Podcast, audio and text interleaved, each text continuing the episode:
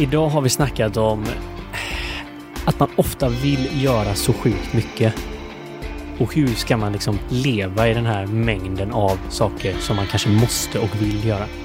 För det är lätt att det bara blir too much. Så vill, ska, bör, måste.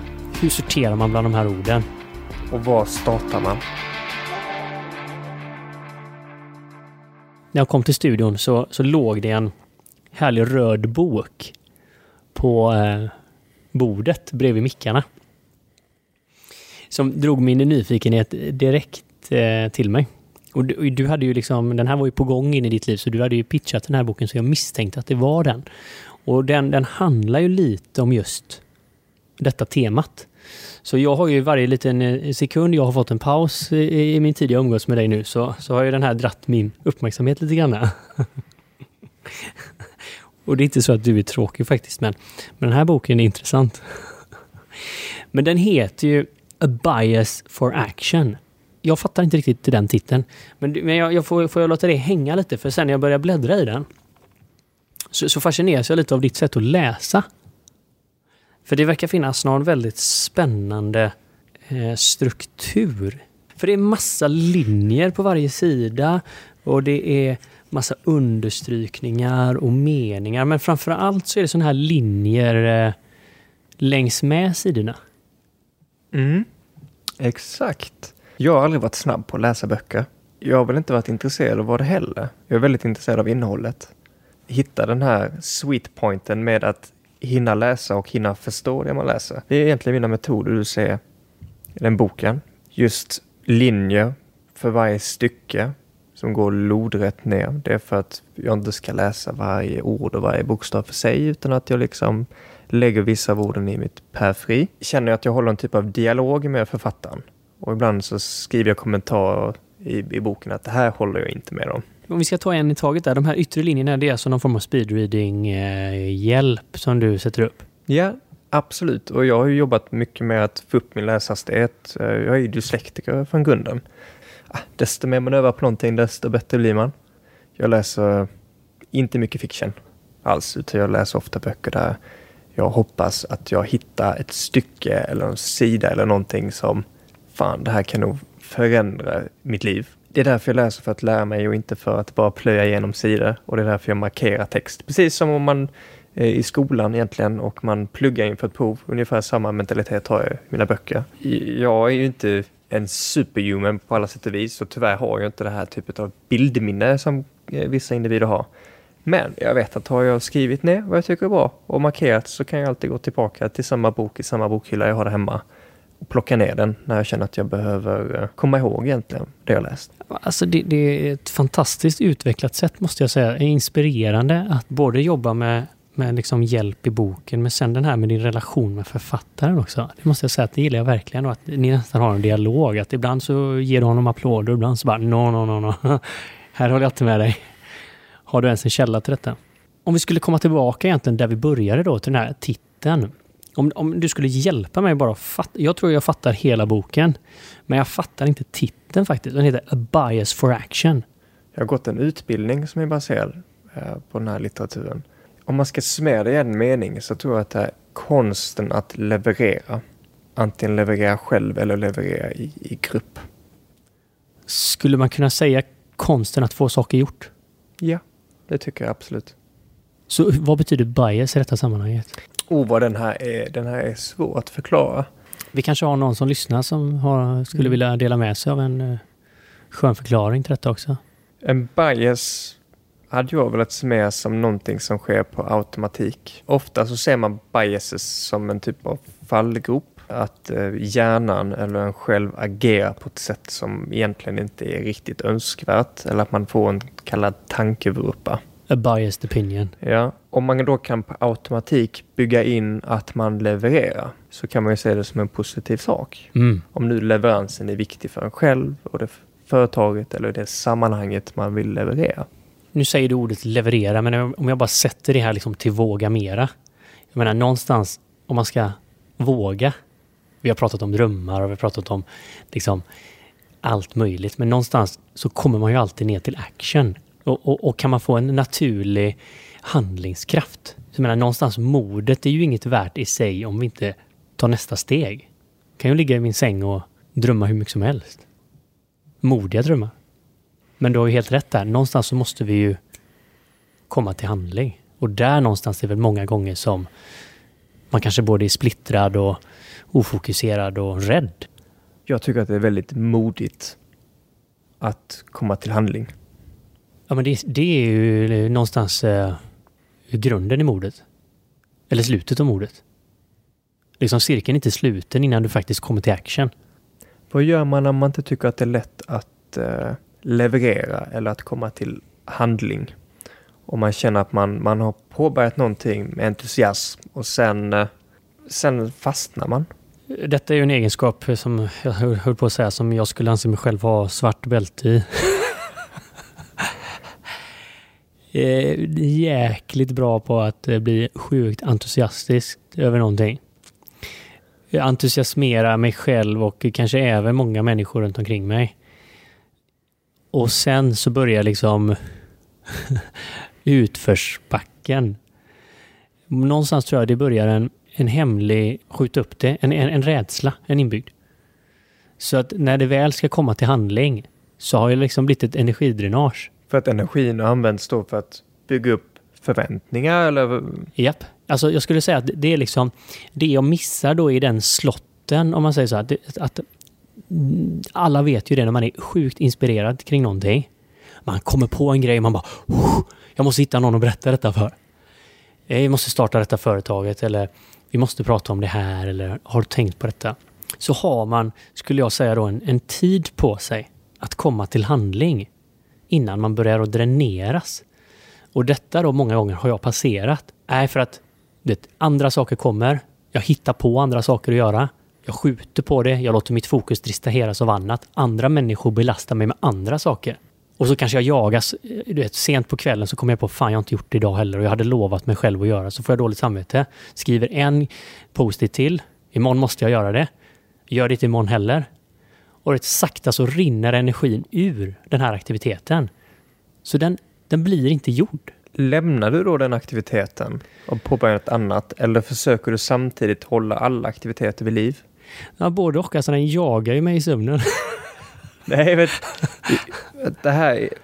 Jag hade varit mycket förvånad om det här bara gäller dig. Jag känner ju verkligen detsamma och jag tror att det här kan nog vara väldigt vanligt förekommande att man, man går in med en intention att lösa ett visst problem och eh, man kanske inte riktigt har förstått problemet. Det finns ju en sån här en sägen att den som förstår problemet har löst problemet. Så att man bara precis öppnat Pandoras ask och man tror att man vet vad det är för problem och sen inser man att shit, det är nog bäst jag stänger den här lådan igen. Jag kan ha svårt att släppa taget om vissa delar om jag känner att jag bestämt mig att det här vill jag lösa. Så att man slutar att hålla allting ovanför ytan. Man sitter där liksom som en eh, lifeguard och pushar upp allting och så pushar man ner sig själv lite grann. Och det är ju inte det vi vill åt. Man vill ju åt att gå in och se att vissa av de här sakerna flyger iväg och vissa saker kanske man får låta drunkna. Ja, men alltså, du, du är inne på någonting som är så himla intressant. För du säger så här, man håller sig själv flytande. Det händer ju sjukt mycket saker i livet. Eh, så frågar man någon varför har du inte gjort det? Eller du frågar mig varför har du inte gjort det? Så säger så här, nej jag, jag har inte hunnit. Ja, men vad har du gjort då? Ja, men så kan jag säga tusen grejer jag har gjort. Varav kanske de mesta då var saker som höll mig på något sätt flytande.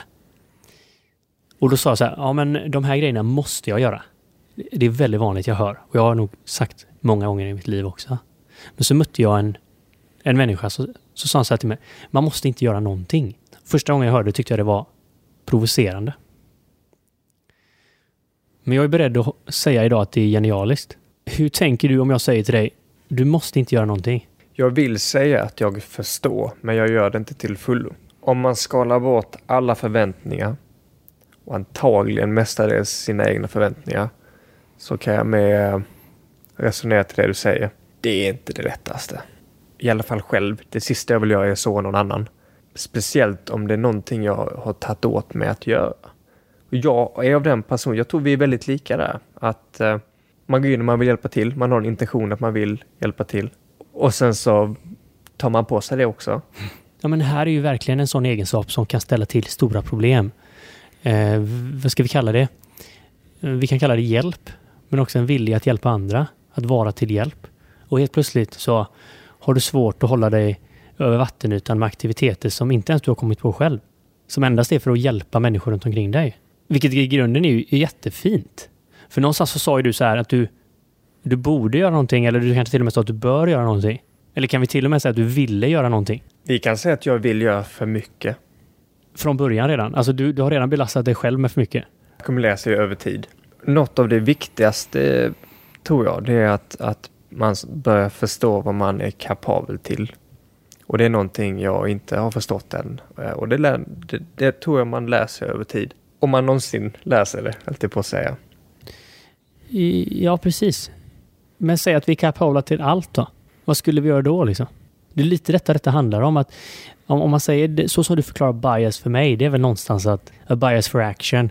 Att liksom jag ska kunna ta handling emot vad som helst som jag vill göra. Vi pratade ju tidigare om att våga följa drömmar. Oh. Och under det avsnittet så var en ganska fundamental grej att, att komma igång, att börja starta. Att bryta ner den här drömmen i små komponenter, att vi ser att varje komponent bygger upp en helhetsbild. Det här är emot alla, det, kanske inte det bästa så här om man är vegetarian, but if you want to eat the elephant you start with the toe. jo, men det är ändå svårt att svälja den i ett stycke även om man är vegetarian. Ja, det finns ju en kille i eh, eh, som har käkat upp ett helt flygplan, bit för bit så att säga. Han malde ju ner. Han, han är i Guinness World, vad heter det, Guinness Books of Records. Ja, det är ju nästan ännu sjukare än att äta upp det, att du, att du vet om detta. Record Books of Guinness, eller? Men jag kan ju med stor sannolikhet säga att, eh, eller med hög säkerhet säga att han käkade inte det flygplanet i ett svep, utan han, han gjorde det över väldigt lång tid. Ja, men det är ju det här, det, det visar väl på något sätt eh, ett momentum i detta både i steg men också att eh, våga eh, komma till action. Det är ju det är väldigt intressant att förknippa detta till drömmen. Likadant som man kan applicera det på jobbet. Men, men det här känns ju just nu som en, en grej som är så jädra utspridd. Jag själv kan ju påstå att jag har ju spenderat stora delar av mitt liv i det här drunkningsmodet som du, som, som du beskriver. Alltså, I början trodde jag att det var liksom en supertalang jag hade att göra så jävla mycket saker. Men sen bara en dag så bara, fan jag klarar inte att hålla mig flytande längre. Hur hamnade du i den positionen? Alltså en, en kombination av eh, överambitiös från början. En, en, blandning av både prestation, prestationsångest men också typ att, att en del som var väldigt rolig, alltså jag tycker väldigt mycket saker är väldigt roligt. Hade mycket kompisar, mycket aktiviteter och liksom i grunden bara positivt men så växte detta lite okontrollerat. Och sen tillsammans med att det trillar in kanske att någonting och det började nog med att jag liksom också där fick ett jobb som krävde väldigt mycket av mitt tid och fokus. Kanske det i sig var bara för mycket, men samtidigt där så försökte jag hålla upp liksom en struktur som var samma som innan i övriga livet. Så det började liksom bara att bli för mycket överallt. Men jag hade inga andra verktyg. Jag gjorde på exakt som jag simmade hårdare. Gjorde mer, löste mer, jobbade hårdare. Simma hårdare, simma längre. Och en anekdot jag har använt där för att oavsett vad jag gör så får jag aldrig mer 24 timmar om dygnet. Nej, för när du väl är vaken alla de 24, alltså då finns det inga kvar. Nej, och det är ju att hårddra det, men det, det är ju limiten. Jag kan inte hitta på ytterligare två timmar. Jag hade önskat, vem fan vill inte ha mer tid om något? Men det är alla säger, jag behöver mer tid. Ja, men gör du verkligen det? Eller behöver du något annat som vi är inne på? Behöver du mer fokus, göra mer rätt saker. För, vad vill du ens göra egentligen? Och det här bryter boken ner ganska tidigt. Två komponenter, viljekraft och fokus. De sätter de här i en relation, vilket innebär att du kan vara extremt fokuserad, men inte fokusera på rätt grej. Nej, det är, det är väldigt spännande ju. Fokusera på rätt grej först gör inte den här typiska multitaskingen eller byta inte frekvent mellan olika aktiviteter. Ja, men vi är uppväxta i en tid då multitasking var den eh, bästa egenskapen du kunde ha, trodde vi. I alla fall jag. Det är inte konstigt att man får den känslan, för du kan ju göra jättemycket en dag och sitta med på sjukt många möten, ta jättemycket samtal Och jag tror jättemånga kan känna igen den här känslan. Man kommer man är helt slut. Det är inte så att man går till gymmet och kör benpass liksom, utan man orkar knappt laga mat. Du kommer hem och sen så sitter man och så tänker man, men vad har jag egentligen åstadkommit idag? Jag har gjort hur mycket som helst. Det är inte det att jag suttit och rullat tummarna, men vad har jag egentligen åstadkommit? Eller har jag bara sett till att det här fungerar? Ja, ja, alltså det, det är ju superintressant i livet, men det kan ju vara på fotbollsplan eller, liksom, eller som i detta exemplet på jobbet. Alltså det spelar ju egentligen ingen roll. Det kommer ju ner till den här essensen att ska vi få något gjort, det är väldigt tydligt på jobbet. Då, ofta, oftast på jobben får vi ju väldigt lite gjort. För det är ett brus. Och som du säger, kanske massa, massa saker. Miljarder saker som händer. Jag har ju redan uttalat mig lite kring måste tidigare i, i avsnittet. Lite provokativt kanske och några som fortfarande kanske är lite upprörda. Men jag ställer frågan så här, måste man någonting? Eh, den har faktiskt för mig, både i mina roller som chef eh, men också i mitt egna liv, varit en väldigt utvecklande fråga. Där vi har gjort både drastiska förändringar i verksamheter, där jag också har gjort eh, stora förändringar. För det är väldigt lätt att man automatiskt, om man ska prata om bias, att så fort man lägger in måste-ordet så, så, så, tar alla för givet som hör det att man måste. Men vem, var kommer det ifrån? Oftast när jag grävde i det då, så sa folk så här, vi måste göra detta. Ja, så stannade jag en sekund så, men, men kan ni inte förklara för mig då varför vi måste? Ja, men vi har alltid gjort så. Ja, vad spännande. V vem har bestämt det? Ja, det vet vi inte, men han innan mig gjorde det och sa att vi måste göra så här.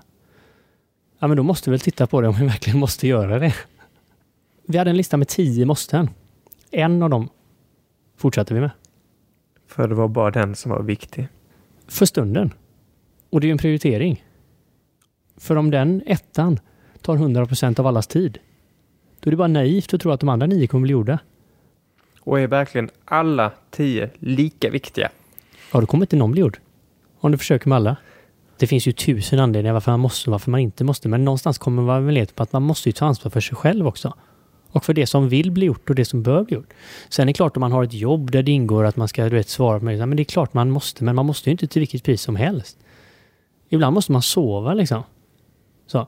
Vad är okej? Okay? Är det okej okay att man liksom då istället, istället för liksom att du svarar mig efter två dagar? Eller okej okay, att du inte ens ringer upp? Alltså, jag tycker det är verkligen okej att ställa sig frågan. För vi ser ju motsatsen. Alltså man kan ju säga ja till alla måste, men det, det går ju liksom åt skogen. Ja, för det du egentligen är ute efter är ju att göra rätt sak, stor effekt som möjligt. Och kanske så lite insats som möjligt. Det är ju det mest intelligenta sättet att göra det. Ja, gärna. så hur hittar man vad som är viktigast? För det här tror jag är väldigt svårt för väldigt många och eh, man hör att men allt, allt är viktigt beroende på vem man pratar med, jag jobbar mycket med sälj, så är varenda persons kund den viktigaste kunden vi har. Det är den absolut viktigaste affären vi har. Och är det inte det som är det fina? Att det är precis det vi kan förvänta oss. Att varje glasögon ger det viktigaste. Varje person som tittar på någonting från sina ögon och leverera det till dig, det är det viktigaste. Om vi har det som ett ingångsvärde så kommer vi lite nyktrare in på vår egen möjlighet att börja sortera i den här djungeln av drunkningsaktiviteter. Man kan se det som att man har en bägare. Man tar sen uppgifter tills bägaren är full och sen säger man nej. Vilket beroende på hur man är, är man som mig, är jättesvårt att säga nej. För man ser potential och det är kul. Jag älskar problem. Men det är sjukt. Det, det, här, kan vi lägga detta i anteckningsboken och liksom, kan vi inte prata mer om att, att eh, konsten att säga nej eh, snart? Det, det, absolut, det gör vi. Vi gör det snart. Så det tror jag är ena sättet, att man ser det som en bägare.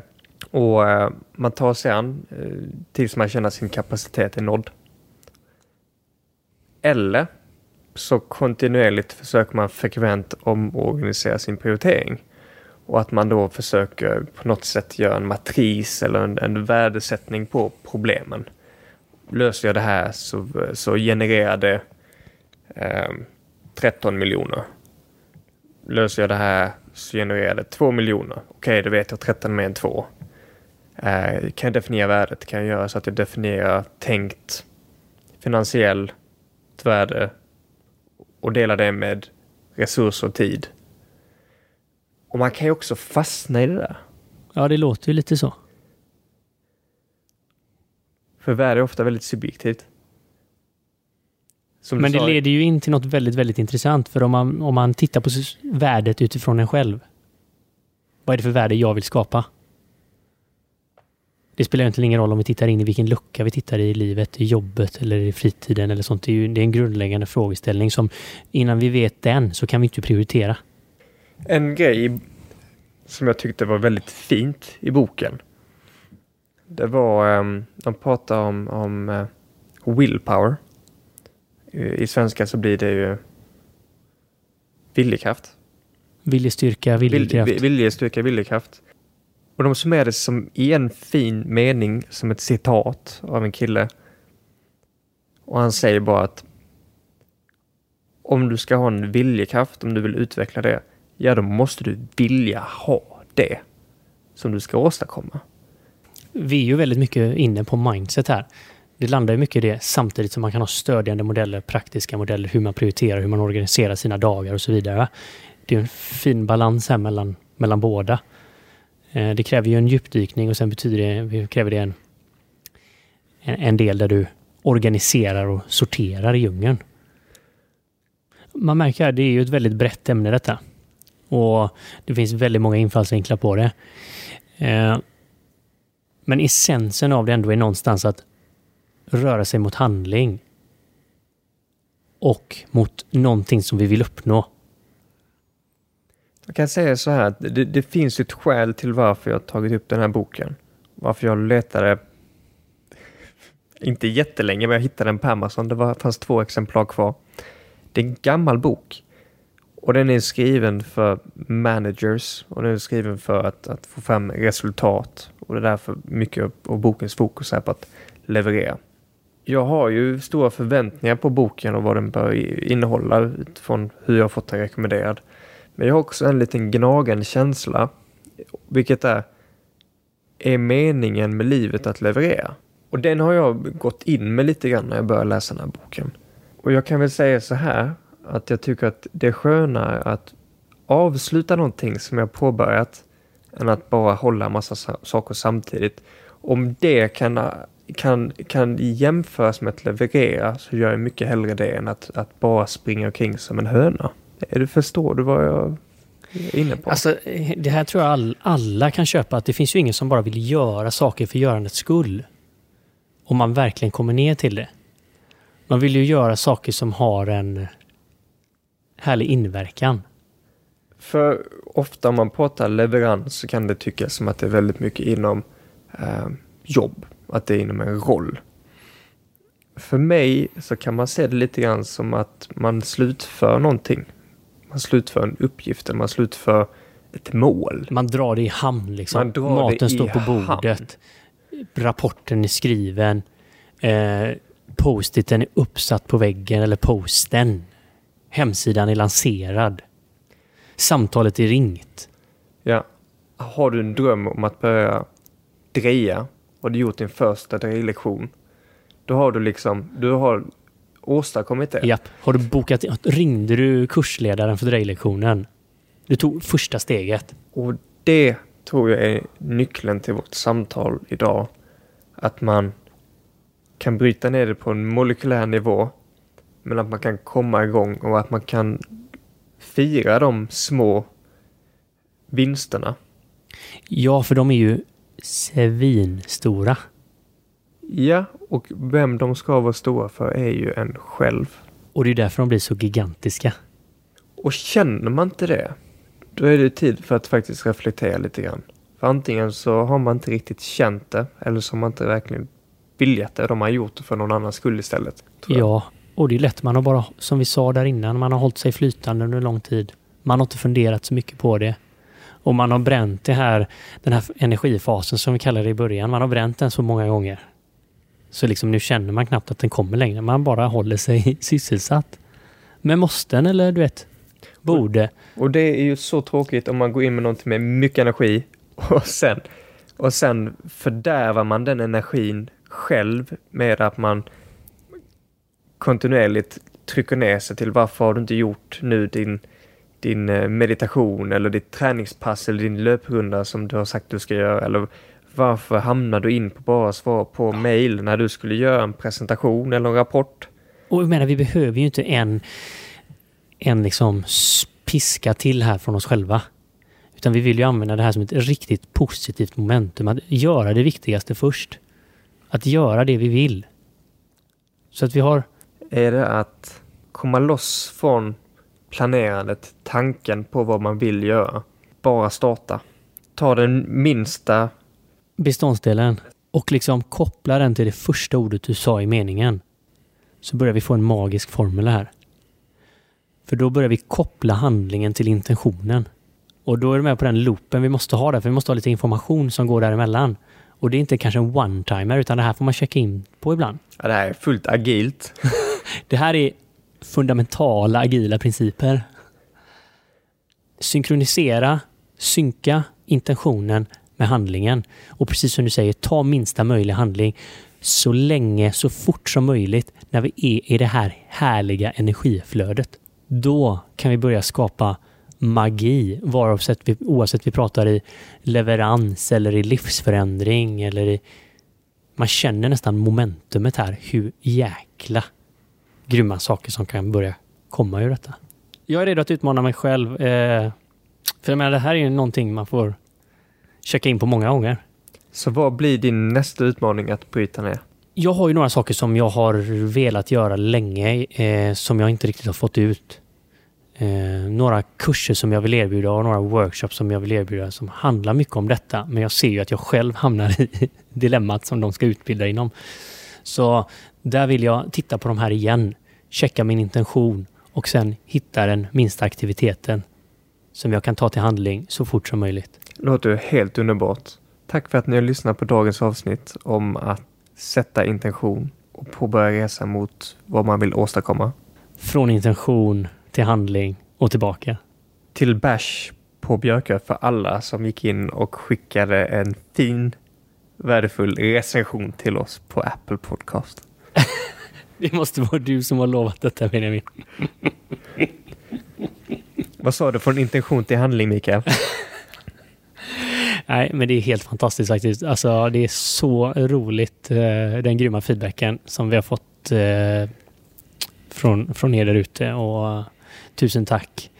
Eh, det, det, är fantastiskt att vi tillsammans kan eh, skapa så härliga samtal. För det, det är faktiskt där ute som podden Våga Mera handlar på riktigt. Det är när vi kan träffas över en kopp kaffe eller någonting där på Björke och eh, ha härligt inspirerande, modiga samtal.